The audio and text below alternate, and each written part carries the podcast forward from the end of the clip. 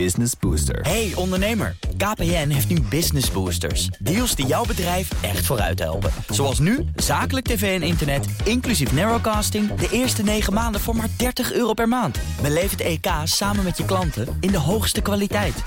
Kijk op kpn.com slash businessbooster. Business Booster. BNR Nieuwsradio. The Big Five. Art Rojakkers. Goedemorgen, fijn dat je luistert naar BNR's Big Five van de generatiekloof. Dat is deze week, want door alle discussies over pensioenen, klimaat, gezondheid en coronatijd... lijkt het soms alsof verschillende generaties elk met hun eigen belang tegenover elkaar staan. Maar is dat zo? En wat kenmerkt die verschillende generaties? Waar botsen ze? Hoe kunnen ze elkaar vinden? Daarover hebben we deze week in de Big Five van de Generatiekloof. Gisteren hoorde je René Boender, expert op het gebied van de generatie Z... geboren tussen 1995 en 2013. Dat gesprek is te horen in de BNR-app. Maar vandaag is hier Aljan de Boer bij me. Hij is Head of Inspiration bij Transactive... gespecialiseerd in generatiemarketing. Goedemorgen. Goedemorgen. Uh, van welke generatie ben jij? Millennial. Millennial. Welke eigenschappen van de millennial, we hebben er al veel voorbij horen komen deze week, bezit jij juist niet? Oh, die ik niet bezit. Uh, ik ben niet super connected in de zin dat ik uh, vrij weinig sociale media gebruik. Uh, in tegenstelling tot veel generatiegenoten. Waarin ben ik nog meer onderscheiden? Ik denk dat dat het belangrijkste verschil is. Waarom ben je typisch millennial? Ik heb wel een ja, sterke behoefte op een bepaalde manier toch wel om ja, aan zelfexpressie. Dat is wel iets wat deze generatie heel erg meekrijgt. Uh, opgegroeid in een prestatiemaatschappij. En ja, ik heb wel het idee dat ik heel erg op zoek ben naar welke kansen je daarin kan grijpen in die maatschappij. En ik heb daar ook wel hoge verwachtingen van mezelf. Ja. Nou, we gaan eens kijken of je die het komende uur kan waarmaken, die hoge verwachtingen. We gaan Laten het we over generatie marketing. Dat is een hot topic binnen de marketingwereld. Jij houdt je ermee bezig. Kun je eens kort neerzetten wat het eigenlijk inhoudt? Um, ja, zeker. Um, ja, waar het begint is dat veel organisaties of merken die, die moeten relevant blijven. dus hoe zorg je ervoor dat consumenten jou omarmen? Dan moet je wel begrijpen wie dat zijn en wat hun behoeften zijn. En dat je daar dan op aan kunt sluiten met je producten en, uh, en diensten.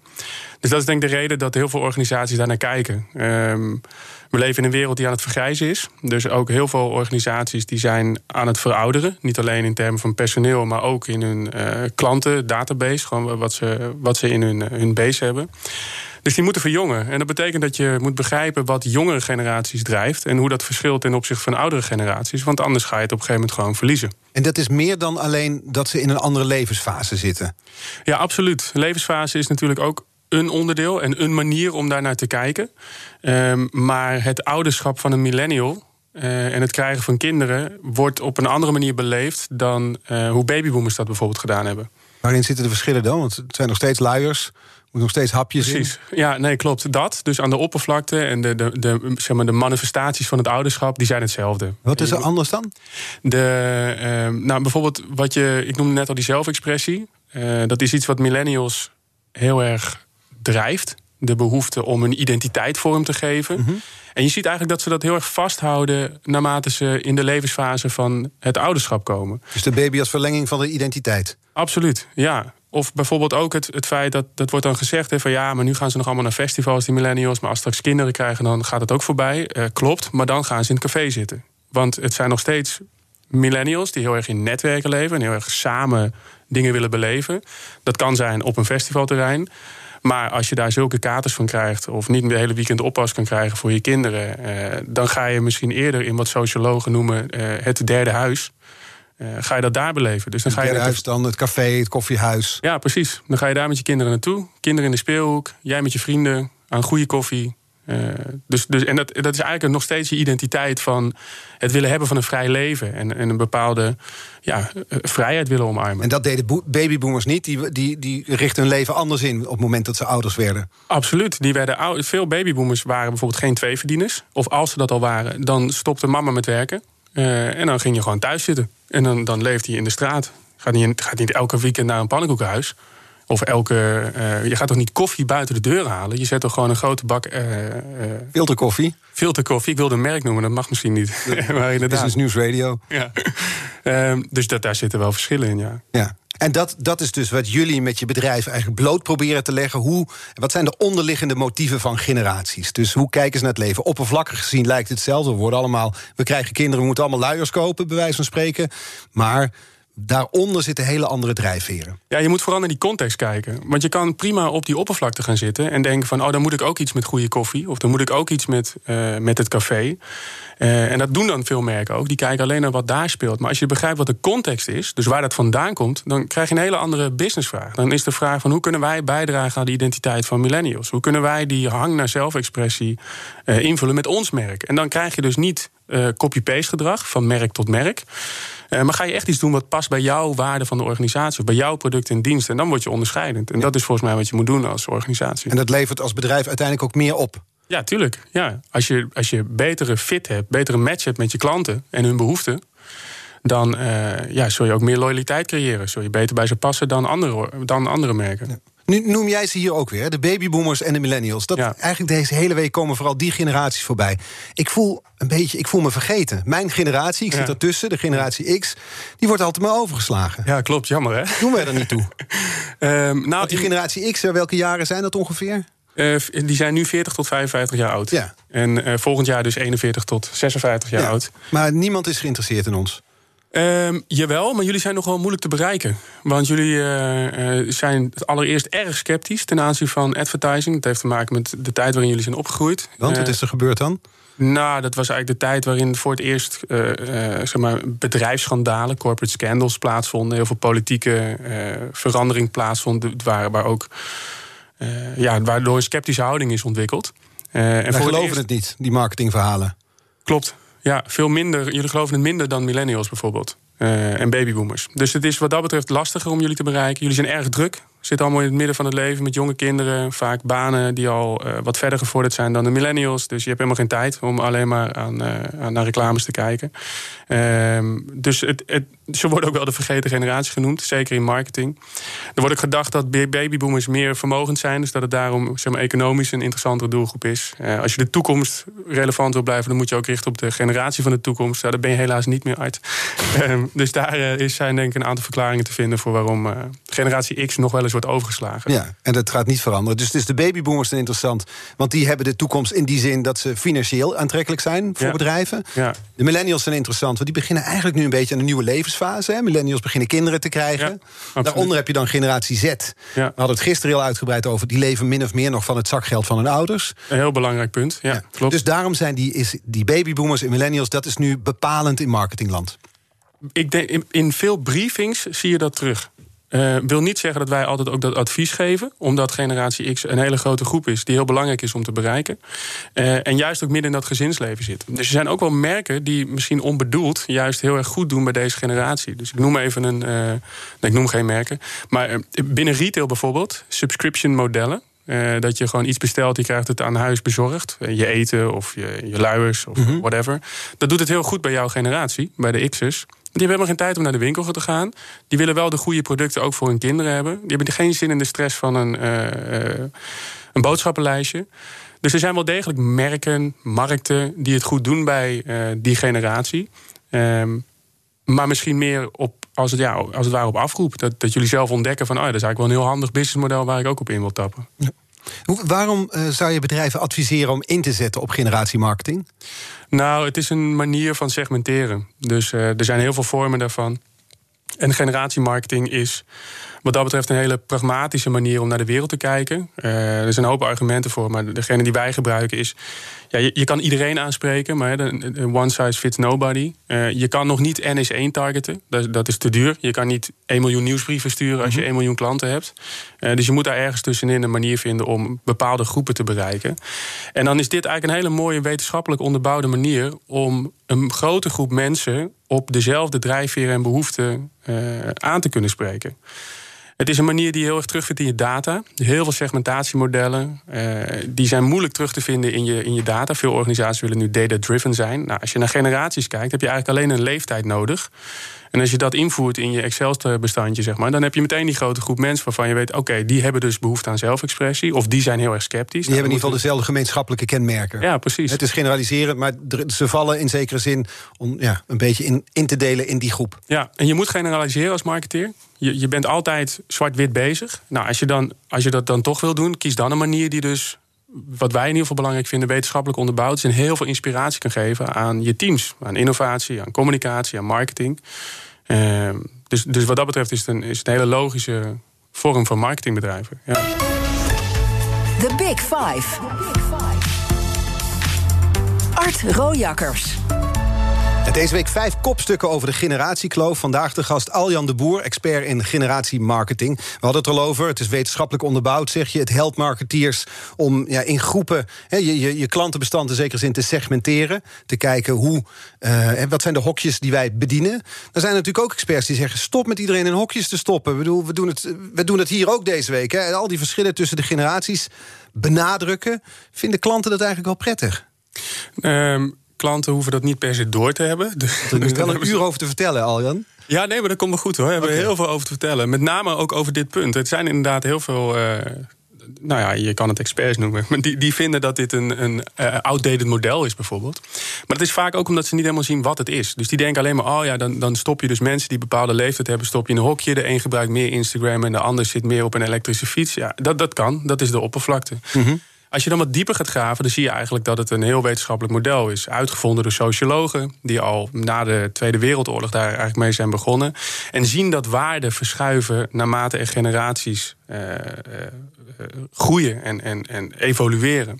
Dus het is een evolutie van waarden. En daar moet je volgens mij als organisatie heel goed van bewust zijn en op inspelen. Het zijn niet vooroordelen en mythes. De, de, de volgevreten babyboomer op zijn elektrische fiets.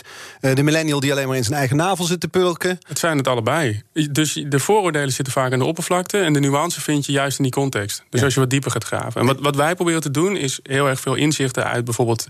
Nou, de sociologie noemde ik al. Maar je kan ook kijken naar de psychologie. Of naar de pedagogiek. Of naar de antropologie. Dat zijn allemaal velden van wetenschap. Die noemen ze ook wel de human sciences. De menswetenschappen. Die zijn dus heel goed in het begrijpen van mensen. Dus ergens is het überhaupt heel raar dat we marketeers vragen om hun klanten te begrijpen. Je moet het eigenlijk aan die menswetenschappen vragen. Nou, dat doen wij dan. En we proberen die inzichten, die vaak wat taai zijn, praktisch te maken en terug te brengen naar marketing. En dan zie je dat er een enorme rijkheid aan verklaringen te vinden is. Die jou als organisatie helpen om deze complexe wereld echt goed te begrijpen. En dan ineens denken, oh, zo zit het. Maar, maar dan kan ik het op deze manier invullen. Want er zijn wezenlijke verschillen tussen de generaties die verder gaan dan het oppervlakkige wat ik net beschrijf. Absoluut, ja absoluut. Wat is bijvoorbeeld een, een wezenlijk verschil tussen een babyboomer en een millennial? Um, nou. Waar zit hem dat in? Als je kijkt vanuit marketingkant, je, je wil, je, je, wil ze allebei, je hebt een product dat voor allebei mogelijk interessant is. Maar je, je, zal ze dus verschillend moeten benaderen als ik jouw theorie volg. Absoluut, ja. Toevallig zijn babyboomers en millennials die lijken best wel veel op elkaar. En dat oh. komt omdat ze elkaar hebben uh, opgevoed. Of in ieder geval de babyboomers hebben, even zwart-wit gezien, weer de millennials opgevoed. En hebben heel veel van hun waarden proberen over te dragen aan millennials. En wat zijn die waarden?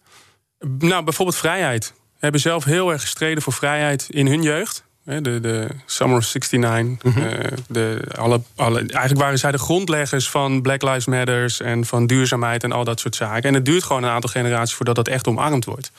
Um, dus dus ook bijvoorbeeld de discussie. Wacht, wacht, wacht, Jij zegt dat de babyboomers, daar is eigenlijk Black Lives Matter en duurzaamheid begonnen. Zijn dat niet, is dat niet juist de generatie die de hele wereld over is gaan vliegen, het milieu daarmee is gaan verpesten en die nog steeds vasthouden aan Zwarte Piet? Dat, dat, dat, die zijn er ook, ja. En die vind je ook bij de millennial-generatie, ja. En als je dus over een langere tijd bekijkt, dus over de 70 jaar sinds de Tweede Wereldoorlog, dan zie je dat de. de het begon met Martin Luther King tot aan dat we hier uh, Blackout Tuesday hadden. Mm nou, dat is iets, een, een, manier van demonstreren die millennials of, of uh, generatie Z als het ware omarmt. Hè. Ja, die Blackout Tuesday was toen gingen alle sociale media gingen op zwart. Precies. Uit solidariteit met ja. Nou, het tragische lot van George Floyd in Amerika. Inderdaad. En vroeger ging men dan uh, uh, de straat op. Uh, dus dat soort dingen veranderen wel. Maar dat zijn eigenlijk waarden die als het ware aan het groeien zijn. Dus bijvoorbeeld een thema als duurzaamheid. Dan zie je wel dat millennials daar meer aandacht voor hebben dan babyboomers. Dus dat is een verschil.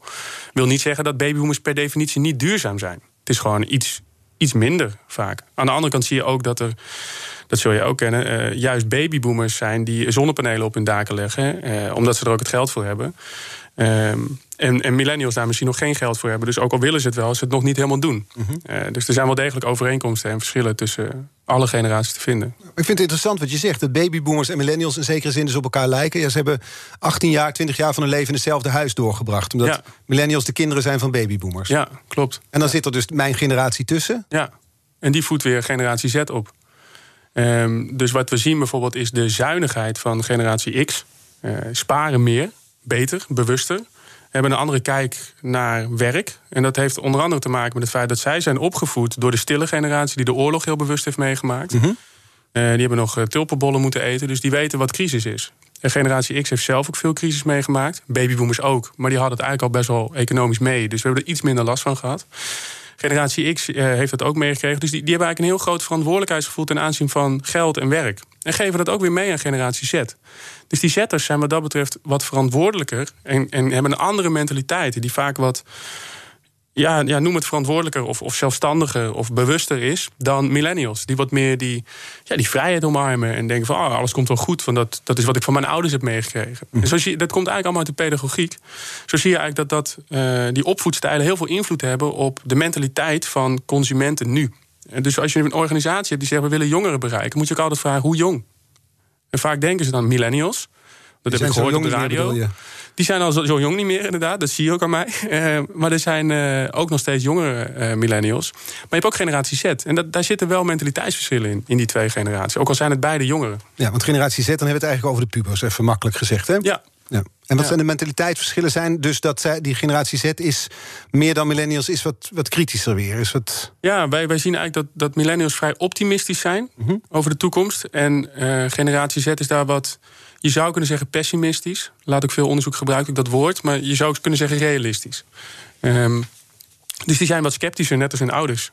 Ten aanzien van de toekomst. en dan even vergeleken met die sneeuwvlokjes die zich millennials noemen. Precies, Ja, ja. ja. Maar dan die, de millennial die eh, onderzocht is, door jullie in kaart gebracht, die lijkt dan weer op de babyboomer. Generatie X lijkt dan weer op generatie Z. En je zegt al, ja, dat gaat op basis van een heleboel wetenschappelijk onderzoek. De pedagogiek, sociologie, noem maar op. Is er eigenlijk ook wetenschappelijk onderzoek gedaan naar de effectiviteit van generatiemarketing? Nou, er is heel veel onderzoek gedaan naar of bepaalde eh, initiatieven van marketeers en merken of die aanslaan bij consumenten. En dat is vaak moeilijk om echt te isoleren waar het aan ligt. Omdat je, je hebt je hele marketingmix. Dat begint bij het juiste inzicht verzamelen. Dat doorvoeren tot aan een goede briefing. Die briefing moet uitgevoerd worden door een reclamebureau. Die moet op de juiste tone of voice en tone of visual die consument aanspreken. Dus dat is eigenlijk een heel lang traject. Waarin er heel veel dingen goed kunnen gaan, maar ook fout kunnen gaan. En het is vaak moeilijk aan te wijzen waar het dan aan ligt. Ehm, maar wij zien dat bij de klanten waar wij voor gewerkt hebben, dat er gewoon marktaandeel eh, gehaald wordt. Als er bewust gekozen wordt voor bepaalde generaties. En daar op de juiste manier via de juiste kanalen op getarget wordt. En wat is dan het struikelblok waar je over valt of kan vallen als bedrijf? Jullie komen daar binnen en zeggen, nou, dit is het verhaal van jullie klantenbestand. Dit zijn de verschillende generaties die je bedient. En wij zeggen, het is handig om het zo en zo aan te pakken. Stel ik me voor dat je Ja. zo binnenkomt. Ja. Wat, wat is de eerste reactie bij een bedrijf dat niet helemaal bekend is met generatiemarketing? Eh, oh shit, zitten we zo in elkaar? Eh, heel veel herkenning vaak, gewoon vanuit zichzelf. Eh, hoe zij zijn opgevoed of hoe ze hun eigen kinderen opvoeden, wat ze bij hun klanten zien of bij hun collega's. Dus heel veel herkenning. En ook vooral heel veel antwoorden, dus heel veel duiding. En dat, dat komt omdat wij vooral op die context zitten en niet op doe meer met influencers of ga op Instagram. Maar meer van waarom zou je dat dan doen? En wat wordt jouw manier om dat te gaan doen? En wat je eigenlijk ziet is dat het heel inspirerend kan werken voor een organisatie. Als je echt begrip hebt van wat je doet. Want als jij een marketingteam hebt dat geleid wordt door een vijftiger... die ineens eh, millennials moet bereiken, dus niet zijn kinderen... maar de, de jong, één generatie jongen, waar veel verschillen tussen zitten... tussen generatie X en Y... dan is het heel fijn als je de duiding krijgt... vanuit niet iemand met een mening, want dat zijn wij niet... maar vanuit ja, deels wetenschappelijk onderzoek... dat laat zien van hey, zo, zitten in, zo zitten ze in elkaar.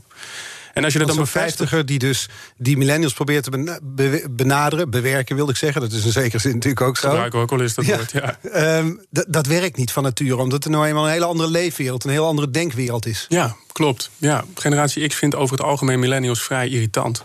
Ja. Klopt. Ja. Ja, dat gebeurt hier ook. Ja, ik heb het ook met een aantal collega's. Ja. Nee, maar het is. Andersom valt het wel mee overigens. Ja, tot nu toe gaat het goed. Nee, maar het, stereotype van de millennial eh, wel. Ja. Maar sowieso worden millennials, ja, je, behoort ertoe, maar worden door veel generaties, ook de generatie onder hen, is daar nu alweer kritisch op. Is Ja, een- klopt. Ja. Die krijgen van veel kanten klappen. Deels terecht, ja. Is het zo? Nou ja, als je kijkt wat die kritiek is, dan kan, je daar wel, eh, kan ik daar wel inkomen. Ja. Als je ziet dat er best wel veel in de wereld aan het polariseren en aan het veranderen is, aan het verharden is, politiek gezien. En je hebt een generatie die even vergat te stemmen in bepaalde delen van de wereld, dan mag je daar best kritiek op hebben. Ja. En nu eh, zie je dat. Onder millennials geen brexit bedoel je? Nou, dat, dat zou je, ja, of Trump. Of, uh, ja. En uh, er zullen ook genoeg millennials zijn die, die, dat, die dat helemaal prima vinden. Mm -hmm. Maar we zien wel dat de stembureaus daar, dat, dat ze daar even lieten liggen. En dat, dat daarmee andere keuzes plaatsgevonden hadden kon, kunnen worden. Ja. Welke frustratie zit er bij alle generaties eigenlijk over elkaar? Over elkaar? Ja. Ehm, babyboomers, erg statusgevoelig, heel trots. Dat vinden andere generaties een beetje onzin. Mm -hmm. generatie X, veel te serieus. Altijd maar uh, werk het plan even uit. Uh, uh, ja, heel pragmatisch en, en, en cynisch en sceptisch. Kurkdroog, inderdaad. Ja. Um, millennials inderdaad, veel te veel zelfvertrouwen. Grote bek, dat soort zaken. Generatie Z, compleet ongeduldig. ga je stilzitten. Kom eens van je scherm af. En allemaal zou je dat prachtig kunnen nuanceren. Ja. Als je dus die context begrijpt. En dat is wat jullie dus doen. Jullie ja. zeggen van het is meer dan alleen dit oppervlakkige plaatje... Wat eigenlijk, waar we continu mee gebombardeerd worden. Ja. Waarmee generaties ook tegenover elkaar worden gezet. Ja, nee, maar nee, laat ik een voorbeeld geven. Uh, trotse generatie, die babyboomers. Wij doen heel veel voor goede doelen. Die halen heel veel omzet uit de nalatenschappen, erfenissen. Mm -hmm. Dan kun je tegen een babyboomer zeggen van... Uh, je hebt de wereld kapot gemaakt. Nee, die babyboomer heeft die wereld opgebouwd. En die is er ook heel trots op. We kunnen erover zeuren, maar het is eigenlijk prachtig wat er na die Tweede, Wereld Tweede Wereldoorlog gebeurd is. En die trots van die babyboomer, die kan hij heel erg laten zien door te zeggen. Hij is ook bezorgd over de wereld die hij achterlaat. Dat gebeurt automatisch, een soort sociaal-psychologisch effect. Van als je een bepaalde leeftijd bereikt, dan ga je reflecteren. En dan denk je van wat wil ik achterlaten voor mijn kleinkinderen. Mm. Als je dat op een goede manier begrijpt, dan ga je dus zo'n nalatenschap op zo'n manier inrichten. dat je die babyboomer op het podium zegt, zet en zegt: Dit is jouw laatste steentje. Uh, wat jij misschien nog wel kan bijdragen. Je hebt in je leven niks hoeven nalaten, maar doe het nog één keer. Uh, en draag wat bij. Dat, dat kan dus heel erg helpen. Ja, de wortel in de stok. En in dit geval laat je zien: de ja. wortel werkt beter. Ja. Of, of generatie Z, inderdaad. Er wordt wel eens gezegd, vreselijk. Uh, deze generatie heeft de aandacht van een goudvis. Uh, er wordt echt te vaak aangehaald. Daar kan ik me heel erg over frustreren. En dan denk ik, doe je onderzoek gewoon eens goed. Dat komt uit een onderzoekje van Microsoft uit, geloof weet ik veel, 2010 of zo. Mm -hmm. Ten aanzien van de aandacht van banner advertising. Nou, daar hebben we inderdaad heel weinig aandacht voor. Klopt. Toen niet, nu niet, gaat ook nooit gebeuren. Om dat dan los te frikken en te zeggen... deze generatie heeft de aandacht van een goudvis... dat is eigenlijk gewoon uh, frustratie van het feit dat ze veel op hun schermpje zitten. Maar ze kijken ook vlogs van 18 minuten. Ze zitten inderdaad heel veel online, maar de dingen die ze daar doen zijn vaak uh, heel werelds. He, die, die, die, kijken inderdaad naar activisten die in hun leeftijdsgroep zitten. Die denken inderdaad na over wat er met duurzaamheid moet gebeuren... of hoe ze met hun privacy om kunnen gaan. Dat zijn eigenlijk hele serieuze thema's. En sommige merken zijn daar heel goed in die dat begrijpen. Die, die zien van ja, het gaat helemaal niet alleen om techniek. Er zit een mindset onder. Techniek is maar een middel om te gebruiken tot. En als we ze op die mindset aanspreken... Ja, dan kan je daar wel ineens heel erg op raken. Dus je kan die vooroordelen juist ook gebruiken om... Uh, om beter aan te sluiten bij je doelgroep. Ja, het begint daar en dan kijk je naar de wereld die eronder zit. Ja. We gaan het zo meteen hebben over millennials die nu ook ouder zijn. We, we hadden het al over, ze krijgen kinderen. Hoe beïnvloedt dat hun koopgedrag? Daar gaan we het onder andere over hebben... met generatie marketing-expert Aljen de Boer... in het tweede half uur van BNR's Big Five. BNR Nieuwsradio. The Big Five.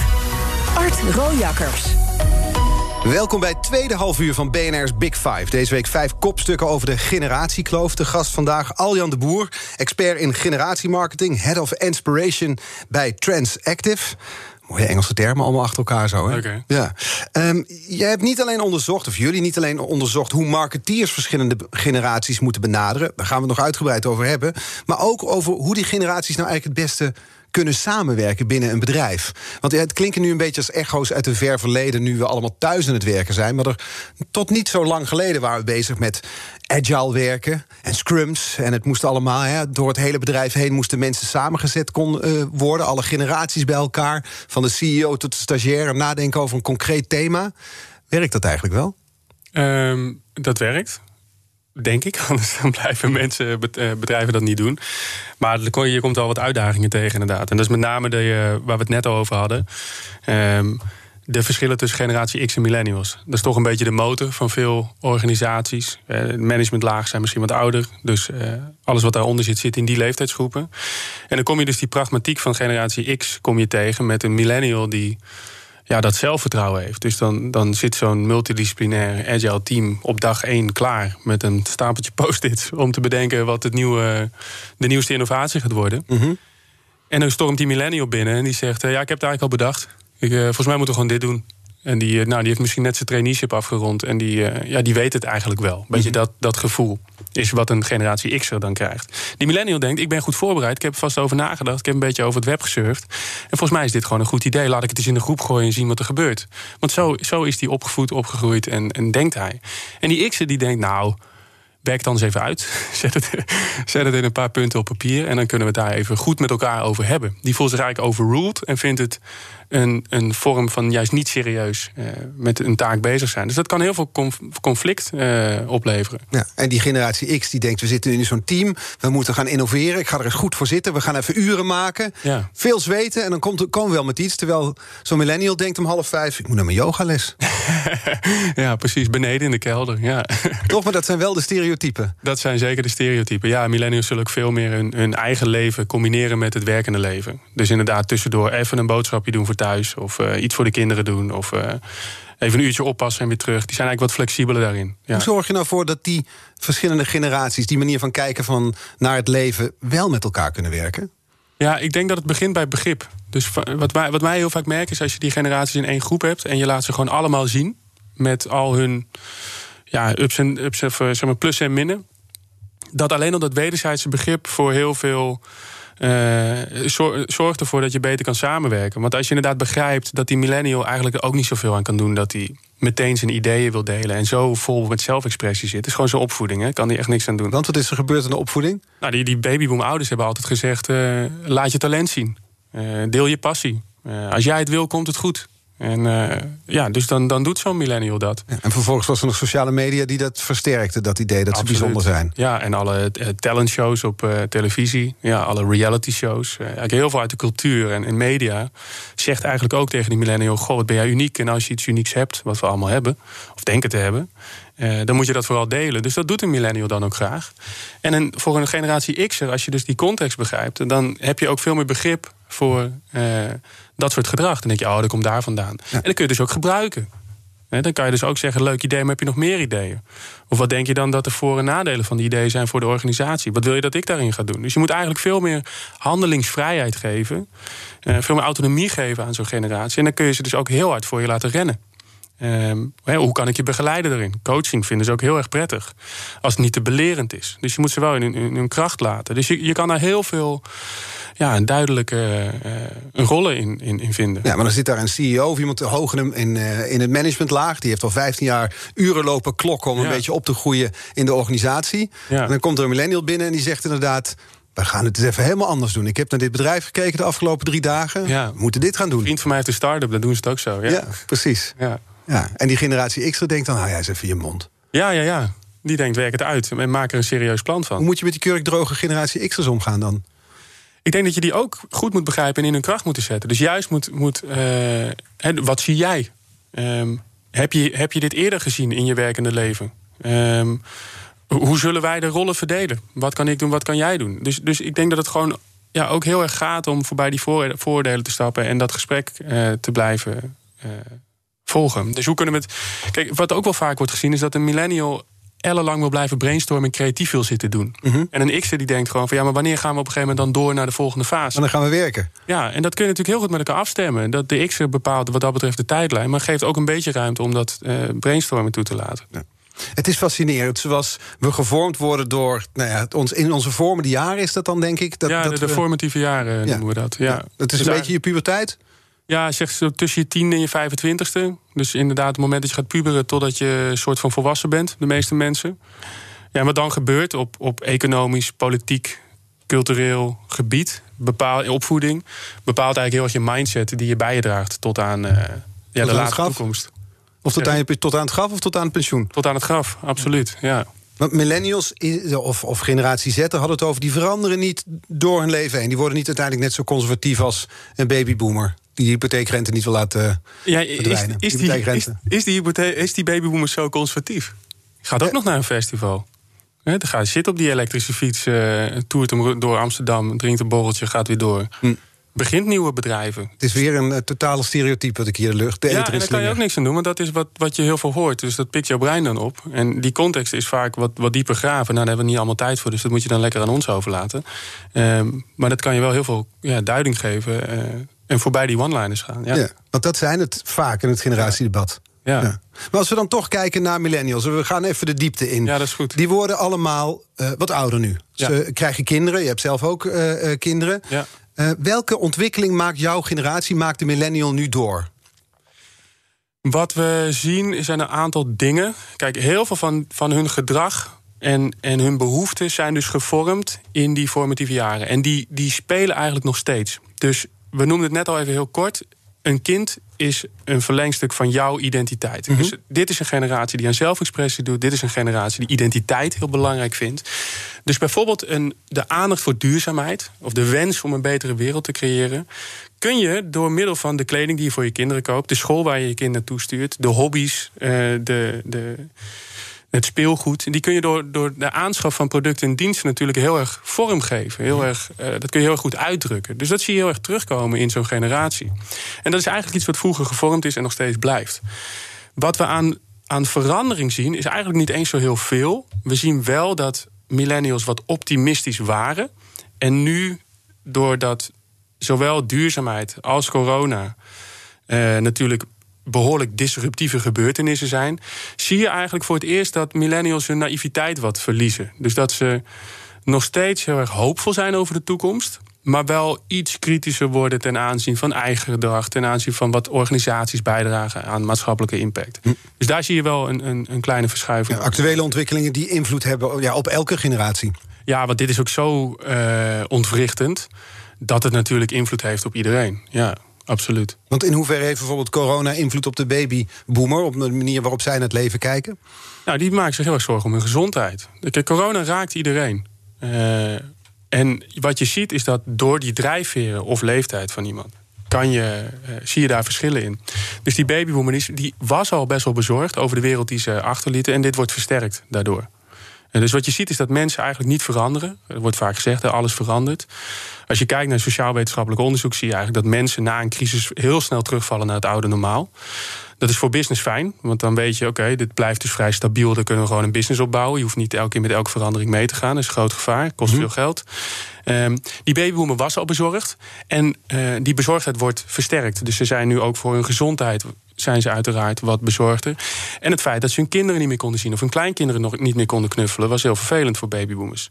Generatie X, midden in het leven staand... Uh, die hebben best wel grote druk om hun work-life balance uh, in balans te houden. Die, die werden juist heel erg gestrest van corona. Dus dat is de impact die corona heeft op die generatie. Ja, die zitten met de kinderen thuis, moeten homeschooling. Ja, precies. Die zitten inderdaad met kinderen die nog huiswerk krijgen. Mijn kinderen krijgen geen huiswerk. Dus wat dat betreft was dat gedeelte was, uh, was wat makkelijker. Ja. ja.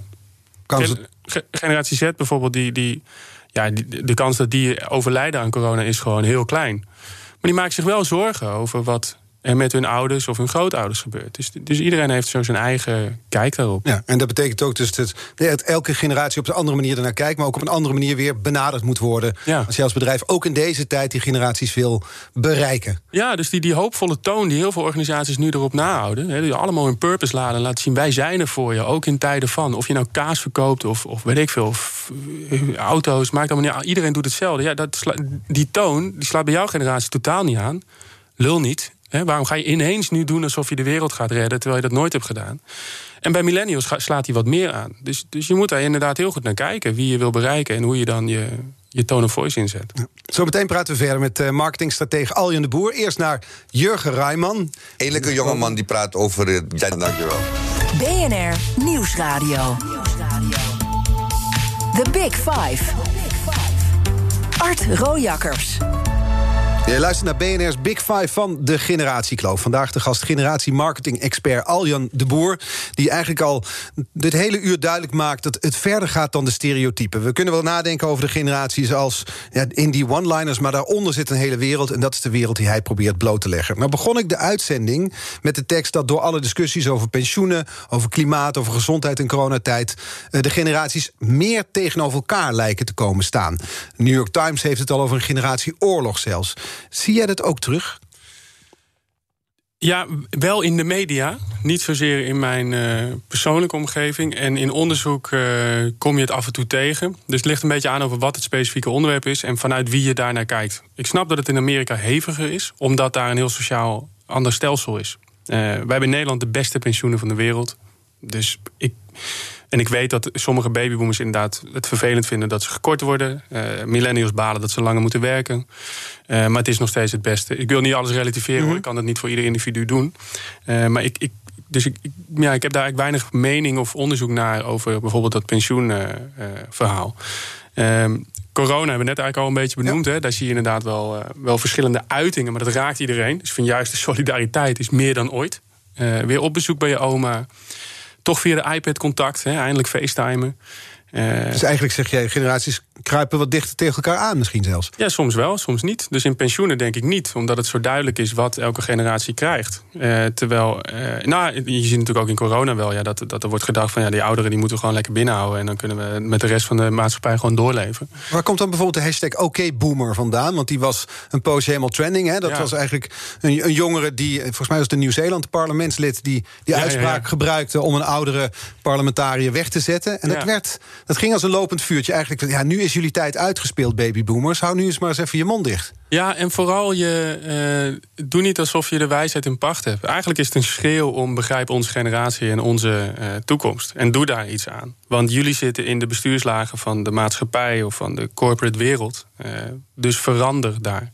Dus ik denk dat het vooral een uiting is van het niet hebben gehoord van de stem van jongeren. Maar leven wij niet in de wereld van de babyboomer? Er zijn er nu eenmaal meer van. Dus het is ook logisch dat juist zij nou ja, meer aan het woord zijn we leven deels in de wereld van de babyboomer. Maar als je kijkt naar de veranderingen die er plaatsvinden op dit moment in de wereld, worden die geleid en, en gestuurd door jongeren. Wat bedoel je dan?